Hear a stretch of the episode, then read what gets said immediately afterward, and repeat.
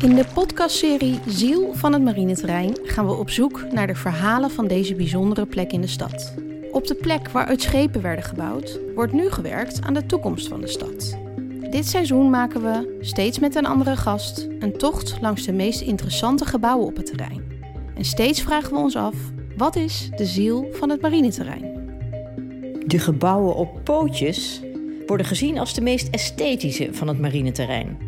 Eind jaren 60 zijn ze ontworpen volgens de vijf principes van de nieuwe architectuur van Le Corbusier.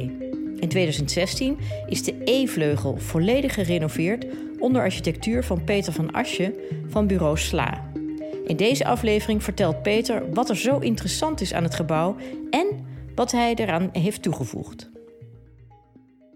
Ja, we staan nu met onze rug naar het water. Ja, en we staan Rug recht, naar Nemo recht tegenover het Nemo. Ja, recht tegenover het Nemo. Dus ehm, super eh, zichtbaar voor iedereen die langs vaart en eh, bij het Nemo is ook. En we staan tussen de gebouwen in. eh, de vroegere E-vleugel en de vroegere B-vleugel. Weet je eigenlijk waar dat voor staat, E en B? Nee, E staat voor elektro en B staat voor werktuigbouwkunde. Dat waren ook opleidingsgebouwen hè, van, scholen, eh, hè? van Ja. de marinescholen. Dus links, de... links de E, rechts de W. Kan je het beschrijven, Peter, wat dit voor gebouwen zijn? Ja, het zijn eh, twee de- dezelfde gebouwen ooit. En ze zijn, eh, het zijn drie verdiepingen hoge gebouwen, maar ze staan op een pootjes. Een soort is- zuilen, hè? Ja, een soort hele mooie, niet rechte pootjes, maar dan eh, driehoekige pootjes als het ware. En ehm, ja, je kan enorm goed zien, er zit een enorme betonnen, betonnen tafelconstructie en daar staan dan die gebouwen op. Doe me ook wel denken, zoals viaducten, maar dan in het klein, hè? zo'n soort constructie. Ja. Of ben ik nu helemaal de Nee, plank het aan het ook- misslaan het eh, ook- tegenover een eh, architect? Nee, het is ook zwaar en veel en groot en stevig. Ja. Ehm, en, je, en je denkt bij jezelf, ja, waarom, eh, waarom hebben ze dat eigenlijk zo gedaan? Hoe, hoe handig is dat? Nou, waarom? was natuurlijk handig omdat je je auto eronder kon parkeren. Het- Kijk, het, is natuurlijk defensieterrein, hè? Dus, dus alles, alles is een soort eh, heel praktisch gemaakt. Dus niet, niet ehm, eh, alles is utilitair. Dus, dus als, het, als het functioneert, is het goed. Ehm, maar stiekem, ik stiekem denk ik toch, hebben ze, hebben ze wel gedacht. Dit is zo'n prominente plek. Dit gaat iedereen zien. Hè? Dus dit is, een, dit is natuurlijk. We zijn midden in de stad van. eh, midden in de stad zijn we. Ehm, dit is eh, het, een heel oud stukje, maar we staan nu op nieuw land. Hè. Dit is pas van de jaren 60. Dus ze hebben stiekem toch gedacht van ja, laten we dan op dat nieuwe land zo zichtbaar naar die stad eh, toe wel iets maken wat misschien dan eh, net iets meer architectuur is dan alleen maar heel praktisch eh, een gebouwtje. Dus ze hebben gedacht we, we, we doen modern. En modern was dan in de jaren 60 eh, volgens de, de vijf principes van Le Corbusier. Zijn wel een paar principes vergeten. Ja? Ja, Kan je ze noemen? de vijf principes van Le Corbusier zijn dat je je gebouw op pootjes zet. De pilotis, noemde hij dat. Eh, Waardoor je er onderdoor kon lopen? waardoor je er onderdoor kunt. eh, en je eigenlijk ook iets geeft aan de stad. Je neemt niet alleen maar grond van de, van de stad, maar je geeft ook iets aan de stad. Je maakt een daktuin. Dus wat je aan oppervlakte opeet, leg je dan weer op het dak terug. Een groene, toegankelijke daktuin. Je gevels zijn niet dragend, dus eh, die kun je er zo weer afhalen. Je vloeren, dus je verdiepingen zijn ongehinderd. Er staan geen dragende muren in, dus je hebt vrije vloervelden, zodat je vrij bent, zelf vrij bent om een pin te delen zoals je wilt.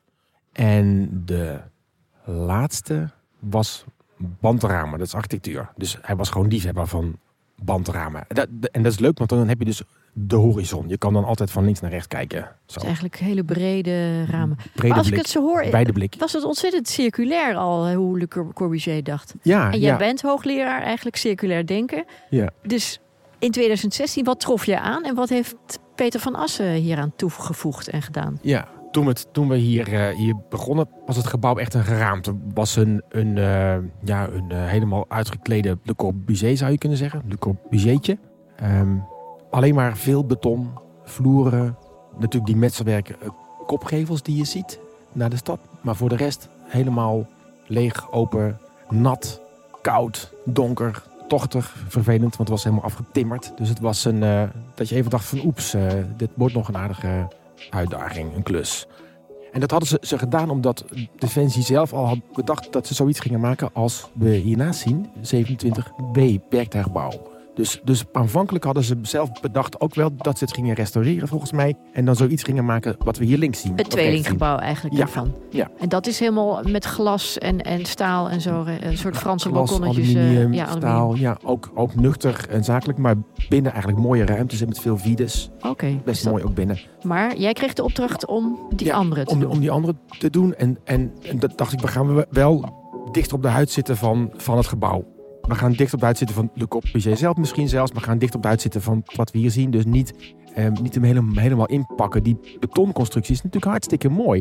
Dus die wil je graag zien. En die wil je niet, zoals je dan aan de andere kant ziet, helemaal inpakken en bekleden enzovoort. Dus, dus we dachten, laten we dat nou, laten we de sterke dingen van het gebouw ook echt houden. En ehm, we wisten niet precies wat erin zou komen na de renovatie. Dat was nog een beetje open, dus we dachten die vrije vloervelden sowieso goed. Dus die houden we ook.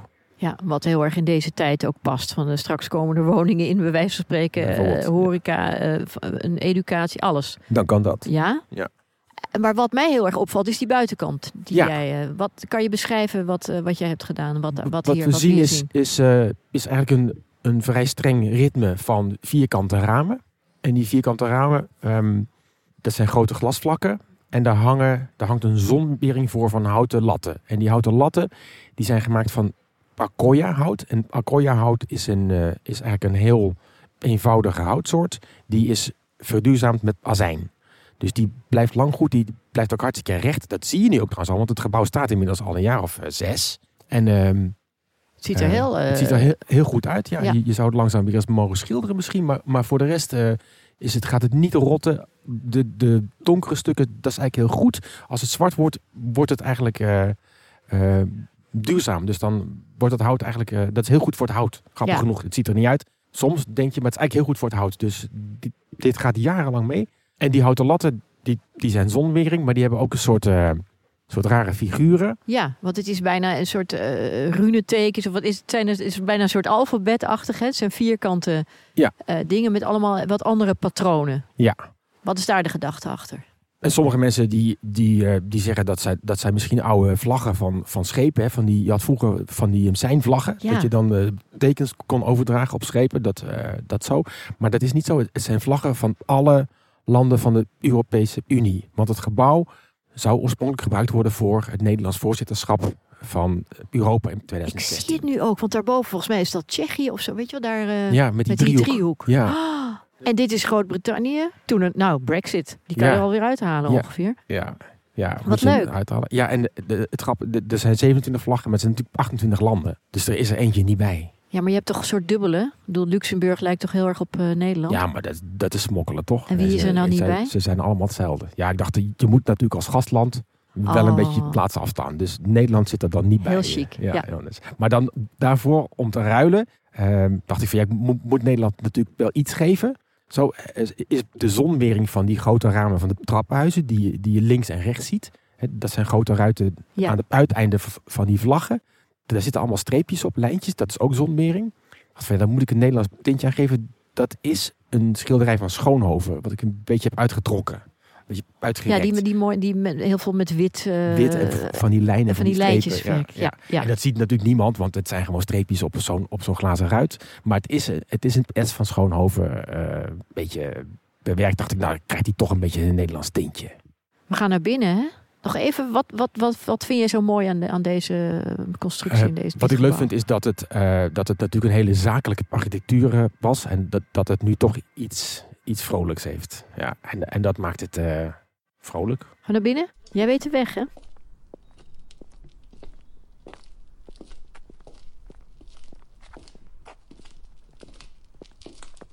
Oh, het is hier echt veranderd. Ja, het is een heel leuk barretje, Ja, lunchroom, broodjes. Hier lopen we naar de trap. Kijk, hier zie je, ik weet niet of je dat leuk vindt, maar hier, hier zie je dus hoe die, hoe die er vroeger uitzag. Oh, dit zijn de oude foto's. Ja. Wacht even. Dat is toch waanzinnig? Maar dat, dit was er allemaal niet meer al. dus Oh, dit dus is echt een oude foto. Voor de luisteraar, als je dan binnenkomt in de hal, dan zie je links uit 66. Is hij pas opgeleverd. Ja, net klaar. Ja, Ook wel heel mooi. En rechts wat het nu Peter is. van As eh, saus eroverheen. Ook heel mooi. Is toch cool? Ja, is mooi hè? Waar gaan we heen, eh, Peter? We gaan naar boven met de trap. Naar drie. We gaan naar drie hoor ik. dit is niet ontworpen door de Corbusier. Dit, dit is ontworpen door, door een Rotterdams ingenieursbureau. De Weger heette zij. De Weger. En die maakte eigenlijk veel voor defensie. En dat deed ze ook hartstikke goed. Maar zakelijk, functioneel, utilitair. eh, geen, geen euro meer uitgeven, geen gulden meer uitgeven. Dan nodig is voor, voor ons militair apparaat. En nu zie je eigenlijk dat het heel duurzaam gebruikt wordt. Hè? Want je kunt, je kunt deze muurtjes eruit halen. Je kunt het weer anders indelen. Je kunt zelfs de gevels eraf halen als dat zou moeten. Dat, eh, het gebouw blijft gewoon staan. Gaat allemaal goed. Maar hij komt natuurlijk toch uit het modernisme. Die, die tijd en het modernisme was wel van... Eerst lekker slopen, dan hebben we een leeg veldje... en dan kunnen we gewoon lekker overnieuw beginnen. Ja, dat was die tijd ook, dat hè? was die tijd, ja. De, Ja. de wegwerpmaatschappij in zekere Nou. zin. Hè? Dus, dus alles eh, tabula rasa. Eh, dus het, het nieuwe leven, het nieuwe leven begint schoon. We, we, de, de, de nieuwe maatschappij, de nieuwe toekomst. We beginnen met tabula rasa en dan maken we de, de ideale gebouwen op. eh, zo. En nu staan al die ideale gebouwen er. Het hele terrein staat dan vol. Maar zoals overal in Nederland, eh, er staan veel gebouwen uit die periode. En die blijken dan toch niet zo ideaal te zijn als we allemaal toen Nee. dachten. En wat vind je dan ook weer afbreken? Of zoals jij hebt gedaan, ze ver- weer verduurzamen? En gaan ze dan wel weer 50 of 100 jaar mee? Je ziet eigenlijk dat dat goed gaat. Dus hè. Ja. dit gebouw heeft, heeft gewoon een heel rijk en heel goed en heel mooi nieuw leven. Eigenlijk eh, omdat het er al staat. En zo zou je met alles moeten, moeten doen. We zijn niet meer van, van eh, eerst slopen en dan, en dan nieuw bouwen. Dus We het materiaal ook niet meer. Nee, en het is ook, het is ook hartstikke dom. Want waarom zou je dat weggooien na, na 50 jaar? Dat is natuurlijk, eh, natuurlijk stom. Dus nu is er een soort, ja, toch een soort andere intelligentie nodig om om te gaan met wat we hebben. En, en ik hoop heel erg dat dit, dat dit laat zien dat zo'n soort intelli- intelligentie heel leuk, heel vrolijk en ook heel nuttig is. Dus die krijgt als het ware een soort nieuwe, nieuwe laag op een, op een oude laag. En dat is natuurlijk interessant. Want je zou dit nooit zo op deze manier nieuw kunnen maken. Nooit.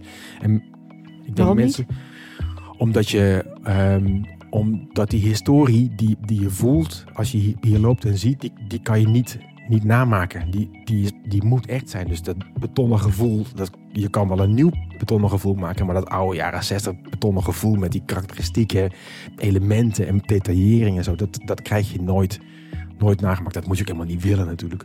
En wat mooi, het, ook de gedachte dat hier allemaal eh, jongens en, en ook meisjes misschien elektrotechniek hebben gehad. Voel je dat ook? Of werkt dat weer terug? Heb je dat meegenomen? Ja, dat zag je op die foto onderin ook al. Hè? Dat daar jongens, ik denk wel jongens hoor. Allemaal jongens zaten met soldeerbouten en radiootjes en zo. Eh, eh, en het leuke is natuurlijk nu dat we op, op een vloer staan op de VR Academy. Dat is ja, de elektrotechniek van nu. Dus, dus ook dat heeft zelfs een nieuw leven gekregen. Eh, dus dat is natuurlijk super mooi dat, er een, eh, dat dat ook weer refereert aan die historie van het elektro. Ja, de toekomst eigenlijk van de elektrotechniek zit, zit hier dus ook met die VR-techniek. Ja.